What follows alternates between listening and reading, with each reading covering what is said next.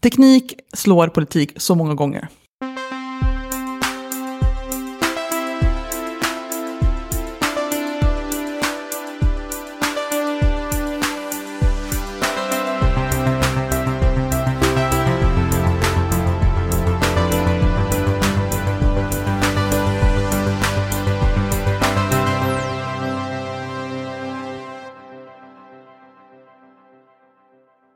Vi tillbaka med Heja Framtiden. Jag heter Christian von Essen. Spelar in idag från Kitchen Studio på Roslagsgatan 23 i Stockholm. Sitter här med Elisabeth Tandrinqvist. Välkommen till podden. Tack så mycket. Ska vi ta först det här med tand. Vad är det för någonting? Var Eh. kommer det ifrån? Det är ett gammalt soldatnamn. Så jag kan tänka mig att det var någon som hade en väldigt eh, stilig eller frånvarande tand. Icke befintlig tand. Ja, ja. T-H-A-N-D. Mm. Ja, Gammal stavning av tand. just det. Framtand. Men den har du tagit med. Ja. Mm. Den är med från mamma. Bra.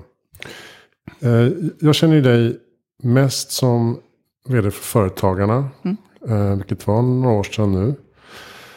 Men du var där i fyra, fem år va? Ja, I nästan fem år. företagarorganisationen. Ska vi dra lite din bakgrund? Du har ju gjort allt känns det som. Mycket politik, managementkonsult, McKinsey. Um, du har väl drivit ditt eget också. Mm. Eh, väldigt engagerad i Centerpartiet i massa olika roller. Ja. Det var där det började. Jag, samma år som jag startade mitt första företag, när jag var 20, så var en camping utanför Lit eh, i Östersund. Eh, som jag drev med några kompisar. Och samma år så blev jag invald som ersättare i Östersunds kommunfullmäktige. Och miljö och hälsoskyddsnämnden. Och de där två sakerna har liksom varit det som har gått fram och tillbaka mellan, ibland jobbat i företag med företagande som managementkonsult, ibland dri- drivit själv. Och sen så har jag jobbat med företagsfrågor för att underlätta för andra företagare. Men att ha någon påverkan på en större fråga har alltid varit väldigt viktigt för mig. Så, eh, sen har det skett i lite olika roller. Eh, nu de senaste fem åren, de senaste sex åren har jag jobbat med investeringar eh, i företag, framförallt mycket hållbara företag. Eh, startat en, en eh, investeringsverksamhet som har sin bas i Östersund, eller Åre egentligen. Eh, vi investerar i Sundsvall, Östersund, Åre, Trondheim. Jaha, lokala bolag. Startupbolag som finns längs E14 som heter E14 Invest. Det är därför. okej, just det. Och, sen, och det har gått bra, så vi har, vi har faktiskt investerat klart i första fonden, håller på och samlar in pengar till en ny fond. Vad tittar ni på där? Vanliga skalbara bolag, det vill säga de kan antingen ha en uppfinning, så vi gör ju lite annorlunda än många bolag som finns i Stockholm. Så det, det kan vara en, eh, en sak, en produkt som har någon sorts uppfinningshöjd, men som fortfarande går att skala i hela världen. Inte bara en app. Nej, inte bara en app. Som till exempel, för att bli konkret, alltså det är en, ett, ett verktyg för att montera skidbindningar snabbare.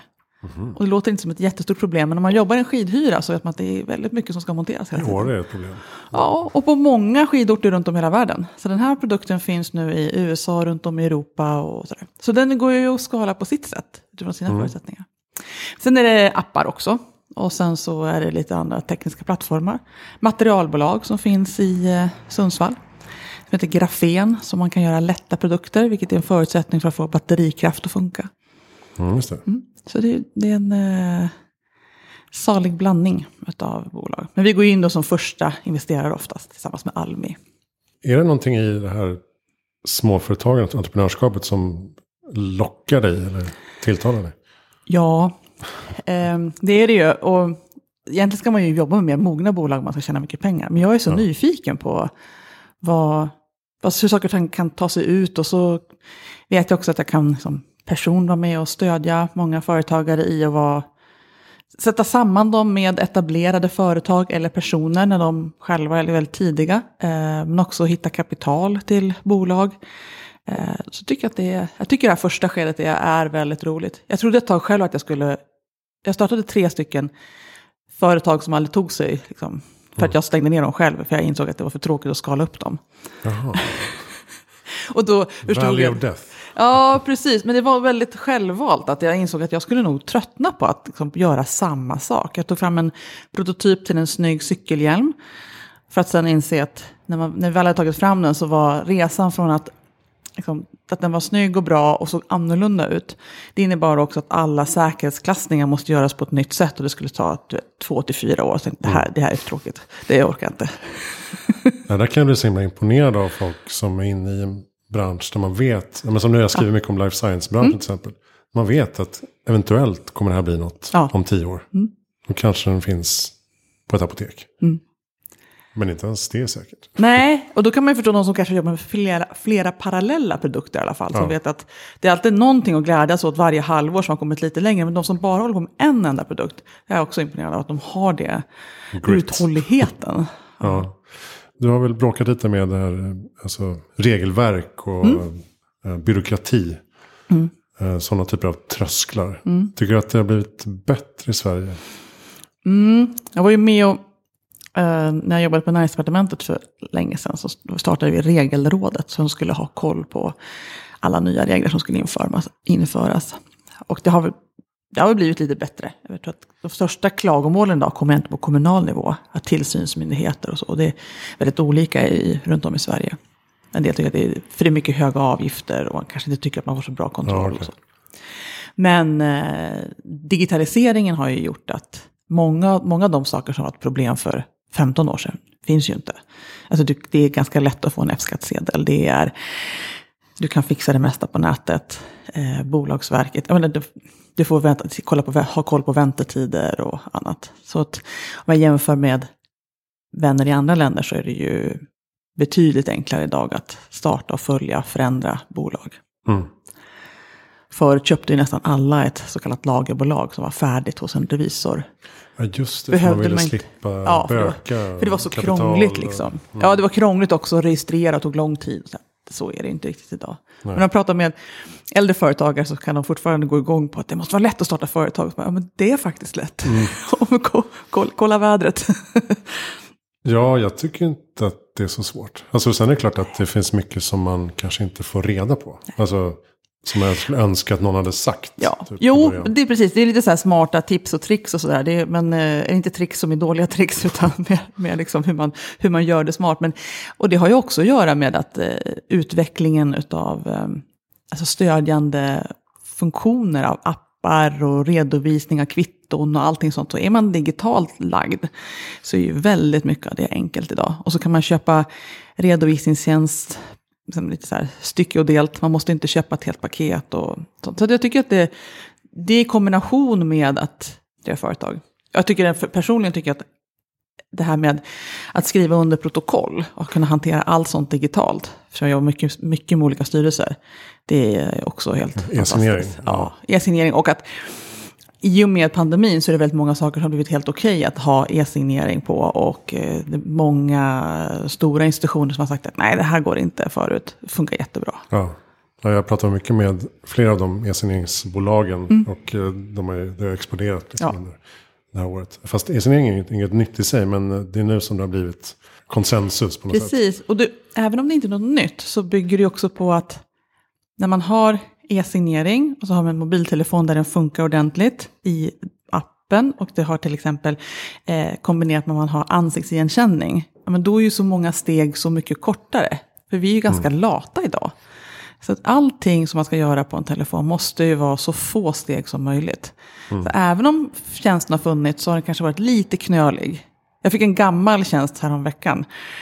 Så den laddade inte ordentligt och så tog det lång tid. Och så då tappade jag bort mig flera gånger. Så fick jag ett femte argt mejl. Du måste signera den. Ja, just det. Okej, då måste jag ha en bra uppkoppling. Ja, Ja, man har inte så bra eh, tålamod. Nej. Tio sekunders laddning. Man Exakt. bara, men herregud. Ja. Nu är det inte bara därför du är här. Vi eh, kom i kontakt via en gemensam eh, bekant eh, Benjamin Dahl som jobbar med eh, blockchain-teknologi. Och eh, han tipsade om det här Vaccine Forward som du jobbar med nu. Eh, berätta, vad, vad är bakgrunden till Vaccine Forward? Det fortsätter faktiskt precis där vi slutade. Det ska vara lättsamt Ja. att göra någonting. Eh, Det är en, det är en eh, plattform och en in- insamlingsorganisation för att enkelt kunna donera vaccinationer till personer som bor i utvecklingsländer där de inte kommer att få vaccinationer. Och jag jobbade för länge sedan med just den globala vaccinalliansen. Mm-hmm. ja, under min tid på McKinsey. Och jobbade med för hur vi skulle få ut, jag var tillsammans med Världsbanken, Gatestiftelsen och Unicef och eh, Globala vaccinalliansen. För att hitta ett sätt att rulla ut våra vanliga barnvacciner snabbare till utvecklingsländer. Eh, låg och medelinkomstländer. Så tänkte jag i, här efter, efter nyår att ja, men det undrar man kan, eh, hur ska man få ut covid-19-vaccin till de här och kommer de ha råd att betala det? Och så försökte jag hitta ett sätt att enkelt betala, det fanns en mejladress. Maila gärna att globala vaccinalliansen typ. Mm. Så tänkte jag men det här går ju inte. Det måste ju vara ett, eh, några knapptryckningar bort om man ska få kunna göra det här. Och att viljan att göra någonting är nog ganska stor. För att eh, vi får vår frihet tillbaka, någon annan får sin frihet tillbaka och dessutom så eh, slipper jag, eller hjälper jag till att säkerställa att inte viruset kommer tillbaka. Det räcker inte att vi vaccinerar dem. Vi har liksom fickor av jättestora covid-19-utbrott som muterar och kommer tillbaka och så kanske inte vaccinen funkar längre. Ja, så samlade jag ihop lite folk och så gjorde vi det där.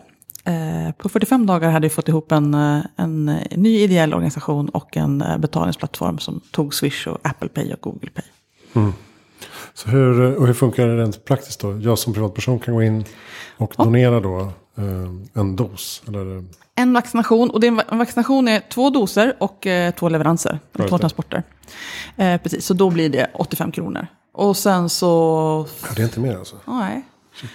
För de har, ehm, och då är det så här att det är inte vi som sen åker runt med det här och, det, och ska välja ut. Det är inte du personligen få... som vaccinerar. Nej, men vi skickar alla pengarna oavkortat till eh, Globala vaccinalliansen och Covax. Som är ju då det som WHO har bestämt ska prioritera att rätt länder får det vid rätt tid. Okay. Eh, och att de får rätt vacciner. Vissa vacciner kan de inte få, till exempel de som kräver fryskedja. Otroligt dåligt lämpade för utrullning i afrikanska länder. Mm. Eh, men eh, de andra vaccinerna funkar bra. Och just nu har det varit mest fokus på att vi i västvärlden kanske inte ger ifrån oss tillräckligt mycket vacciner. Mm. Och det är ett problem fortfarande ett par månader. Men sen kommer det handla om att vaccinföretagen måste veta att det finns någon som betalar för dem. För att annars kommer inte de skala upp.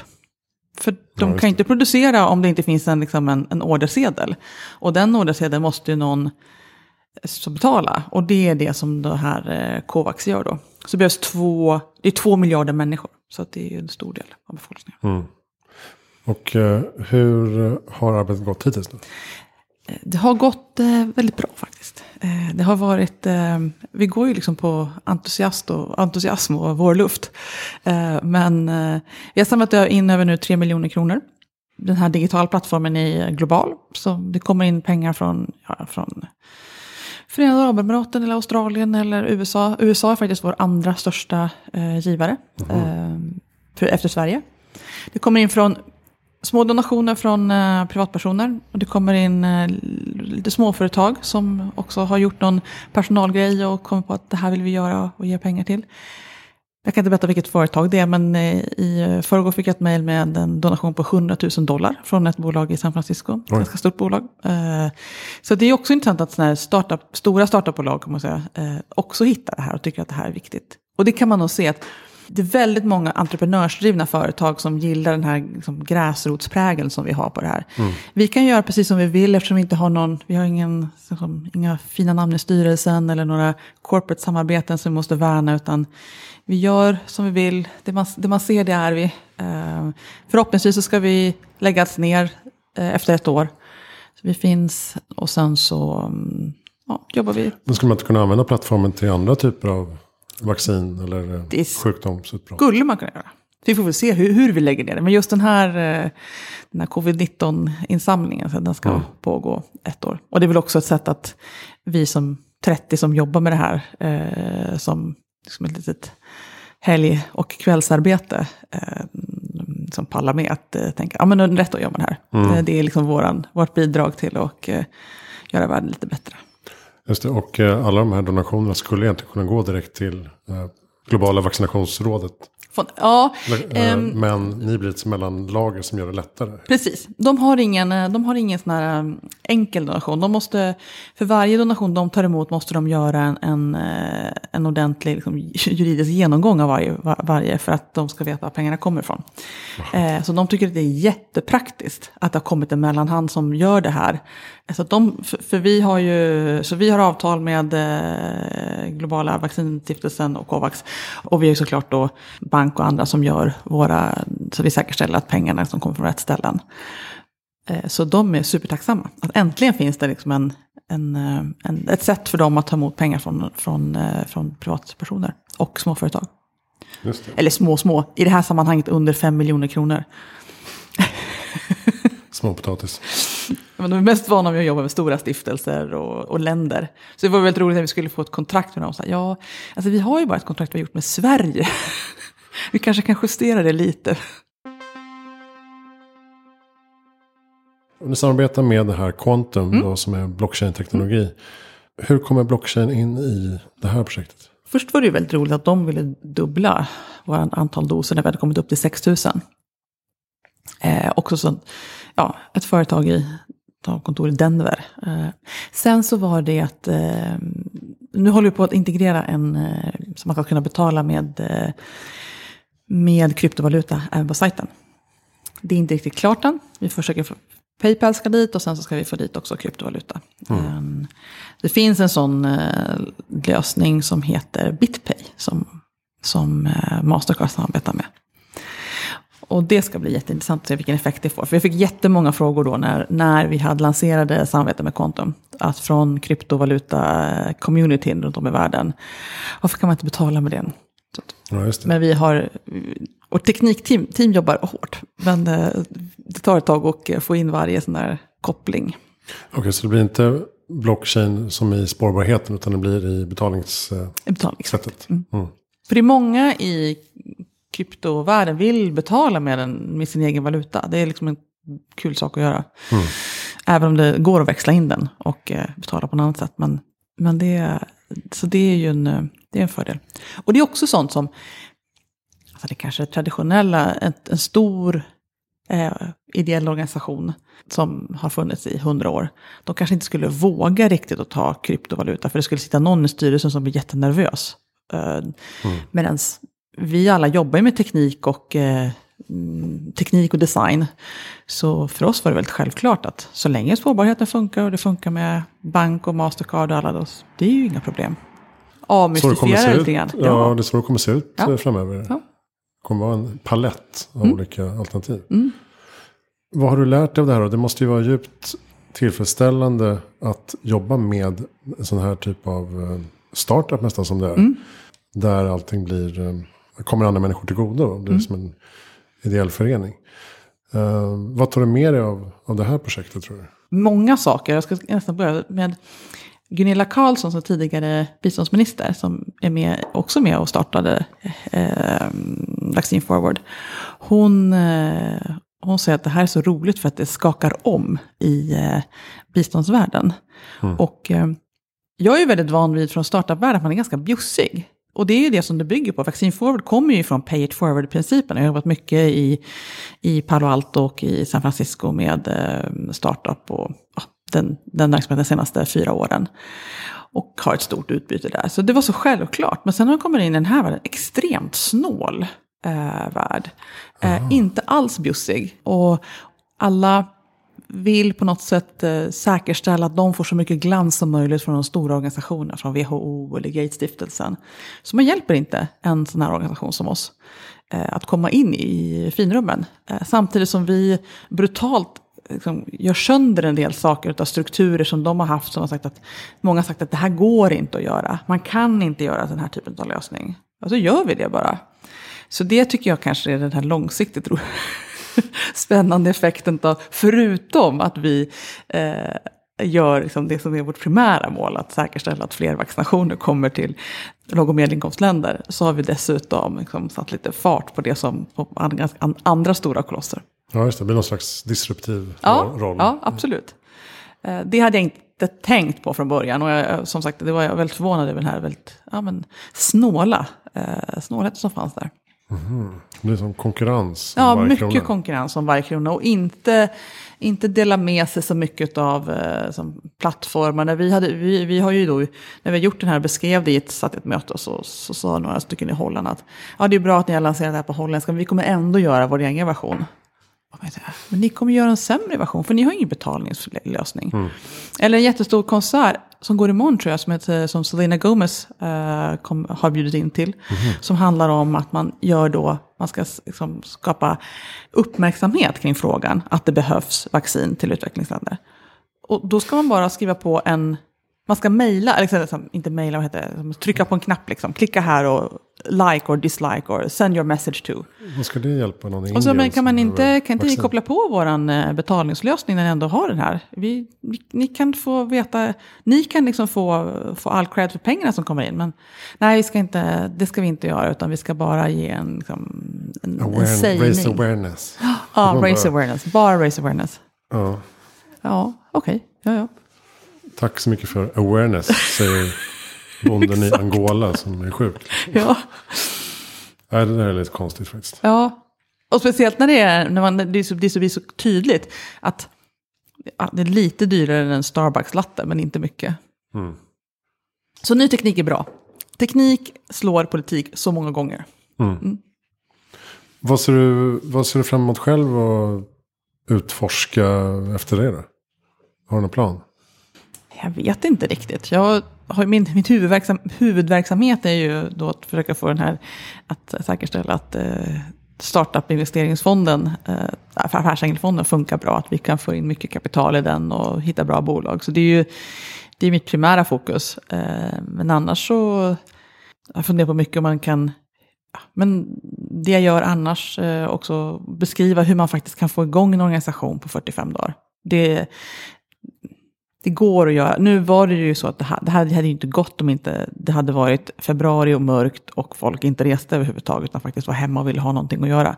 Eller tyckte att det var kul att ha någonting som var meningsfullt och nytt att göra. För de hade rensat sina garderober och eh, liksom, rensat ut sina böcker ur bokhyllan och gjort alla de här sakerna redan innan. Eh, så det var väl en, en, en speciell tid. Men ja, det var någonting som jag, jag tillbringade en sommar på Stanford och, och pluggade eh, design thinking. Och mycket av det handlade om att få saker och ting gjort, att göra en prototyp. Och det gjorde vi med det här. Det var ju en, det var ju en minimal viable product som vi säger, så att, som vi testade. Och den växte hela tiden ändå. Från början skulle det vara mycket enklare. Men så sa ja, men vi vill ha lite till och lite till när vi släpper den. Och hur svårt det är att hitta det här liksom, läget när man ska släppa och låta folk testa. Eh, och sen få feedback och så göra om en del och sen justera. Eh, så allt var inte superbra från början. Det var tillräckligt bra. Det tar jag med mig.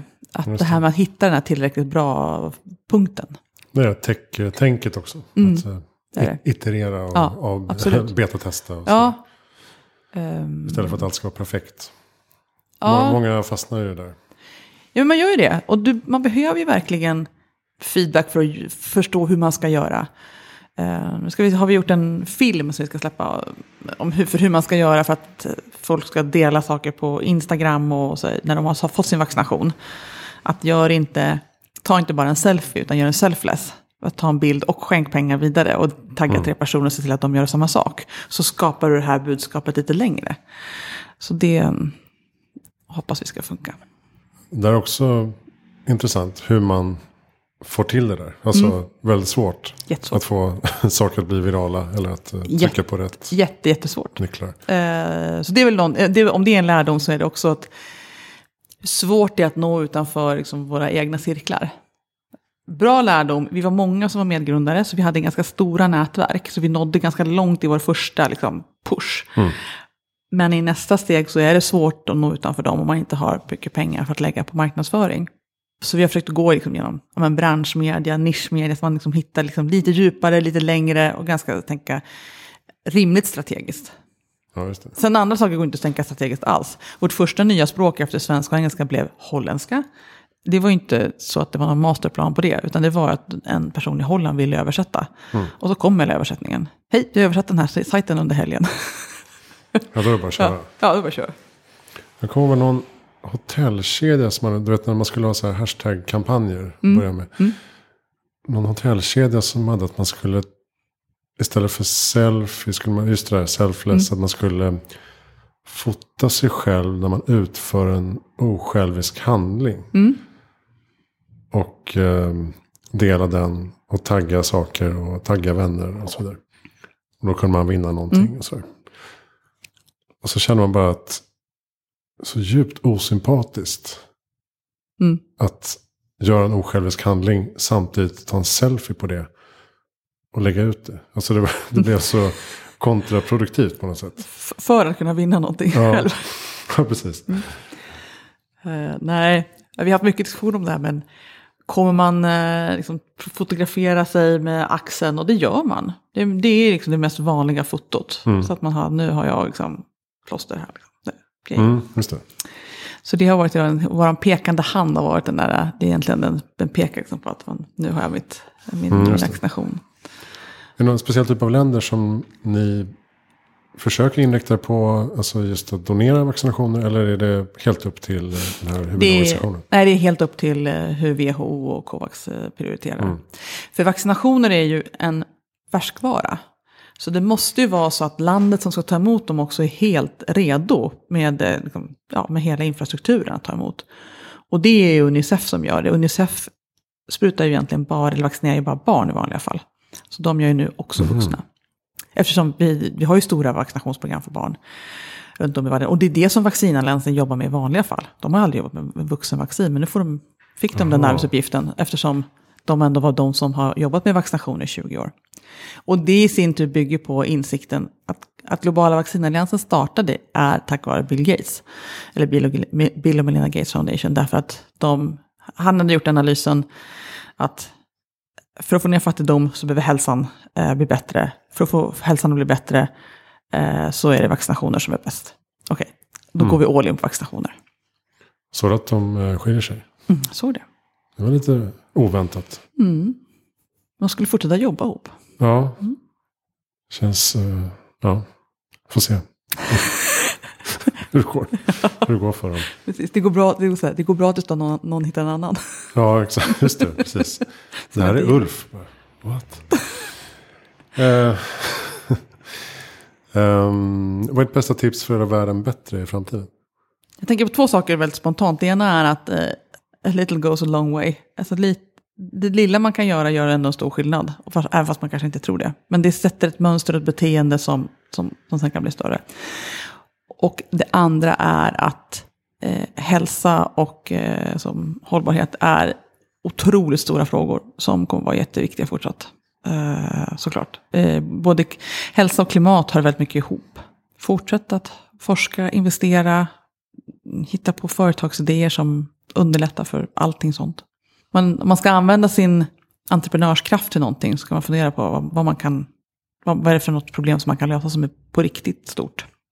Man behöver inte skapa en ny stiftelse eller något annat. Man kan göra ganska, alltså, det finns både stora och små saker. Och det finns väldigt mycket, eh, framförallt i, eh, märker man också i USA när det gäller, på västkusten när det gäller så här inkubatorer och acceleratorer. De satsar jättemycket på hållbarhetsfrågor. De kan vara nischat, det kan vara vatten, det kan vara jord. Eh, ja. Jag är nästan lite avundsjuk på unga människor som kommer ut nu och som har det här smörgåsbordet av möjligheter att eh, hitta på nya affärsmodeller. Det är så här, du har teknologier som utvecklas exponentiellt och så har du eh, globala problem som alla känner till. Däremellan, i den kopplingen, finns ju de stora vinnarna. Olika sätt så är det så också, vissa saker är enkla, kanske enkla lösningar som har med ja, men appar eller annat att göra. Men andra saker så är ju faktiskt forskning och sånt som har, där det inte har funnits, likadant, tajmingen har inte varit rätt. Produktionsmetoden har inte varit rätt. Ehm, jag har varit coach till ett företag som heter Desert Control som ligger i Norge, eh, ett norskt bolag. Och de har hittat ett sätt att slå sönder jorden och blanda med vatten så det blir en väldigt fin tunn lera. Så man kan spruta sen ner på rötterna. Vilket gör att vattenavdunstningen blir eh, mycket, mycket lägre. Och det gör att det går att odla där man inte trodde att det gick att odla förut. Och alltihopa den här, den här eh, tillverkningen är en container. Som man kan ställa var som helst. Okej, så att för att motverka ökenspridningen? Ja, då? precis. För att göra, eh, och där det finns, där det idag är öken, att man kan börja odla igen. Det är otroligt. Ja, och det är också sånt som, det, nu går styr, styrningen går att göra med en iPad. Man måste inte ha dyra stora kontrollbord och mm, det går också att styra med, eh, eftersom det finns 4G. Och, alltså den typen av teknik som man kanske inte omedelbart tänker på som teknik som ska förbättra jordmån. Men det är en viktig del för styrningsmekanismen för det här. Mm. Verkligen. Har du bra lästips eller poddtips? Nej, det har jag nog inte. Jag lyssnar, på, jag lyssnar mest på radiopoddar. Um, mitt bästa tips, nej jag har nog faktiskt inga bra så här, framtids eh, roliga tips. Måste ju inte vara framtid. Kanske någon kul rapport eller någonting. Ja. Själv läser jag just nu Barack Obamas första del av hans memoarer. Eh, eller biografi kanske heter. Alltså den senaste. Ja. Mm, den har också börjat på. Den är, eh, är fantastiskt roligt att läsa på, tycker jag. Och eh, jag tycker att den är, ger en väldigt rolig bild av hur, eller inte rolig, men intressant bild av hur mycket som han visste var som spel för gallerierna och vad som, var, eh, vad som faktiskt var på riktigt och vilka, en del av de missar som de gjorde. Och bland annat cyniska kommentarer om, ja ja, jag visste att det inte skulle gå men jag var ändå tvungen att säga sådär. Mm. Det är eh, intressant vilken märklig position det är. Alltså att just när man vill förändra så mycket och så bara, nej, vi röstar ner det. Ja, Alltså också sådana saker. ja. Man försöker och försöker och så bara får man inte igenom sina Nej. förslag fast man är president. Nej, och så finns det, har ju funnits en intressant diskussion, det finns det kanske alltid om att eh, klimatet är så elakt nu med, i politiken, och mellan olika uh, för emot någonting. Och då såg jag, eh, HBO har haft en, har en serie som heter John Adams, man kan säga, det var den andra presidenten i USA. De är ju jätteelaka med varandra. Och skriver liksom pamfletter där de verkligen, eh, där de eh, hänger ut den, att ta heder och ära av personerna. Så att det där verkar inte vara så nytt. Twitter är ändå bara liksom 200, vad är det, 240 tecken, 280 tecken nu. Ja, just det. Det är, inte en, det är liksom inte en essä om hur dålig du är. Ehm, vem tycker jag ska intervjua i Heja Framtiden? Ska jag intervjua Eva Fors som är på, på Google. Som jobbar med Google Cloud. Okej, Hon har en, eh, en eh, ganska spännande position som att många svenska industriföretag, storföretag som faktiskt vågar gå över till att eh, vara eh, molnbaserade. Och eh, ja, det, det är spännande. mm. bra tips. Ska jag kolla upp. Vi avrundar där. Tack snälla Elisabeth Thand Lindqvist för att du kom till Heja Framtiden. Tack så mycket för att jag fick komma. Och eh, för all del kolla in vaccinforward.org Org. och eh, donera. Så att eh, fler får ta del av covid-19-vaccin i eh, länder som inte har den tillgången som vi har.